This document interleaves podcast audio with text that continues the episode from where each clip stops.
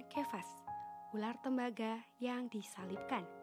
Ayat Alkitab dari Yohanes pasal 3 ayat 14 sampai 15.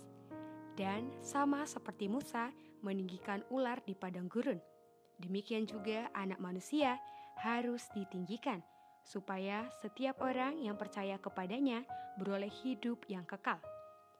Dalam Yohanes pasal 1 ayat 29, Yesus adalah anak domba Allah. Namun, dalam pasal 3 ayat 14, Tuhan mengibaratkan dirinya sebagai ular tembaga.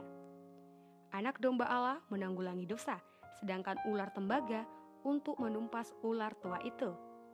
Kesulitan yang ada pada kita sebagai orang yang telah jatuh bukan semata ada dosa, tetapi ada juga ular. Banyak di antara kita sudah mendengar tentang anak domba Allah, namun jarang mendengar ular tembaga melambangkan Kristus.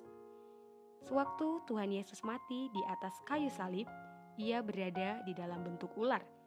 Ular tembaga hanya memiliki rupa ular. Ular tembaga tidak memiliki racun. Demikian pula Kristus dibuat serupa dengan daging yang dikuasai dosa karena dosa. Namun, dia tidak memiliki dosa.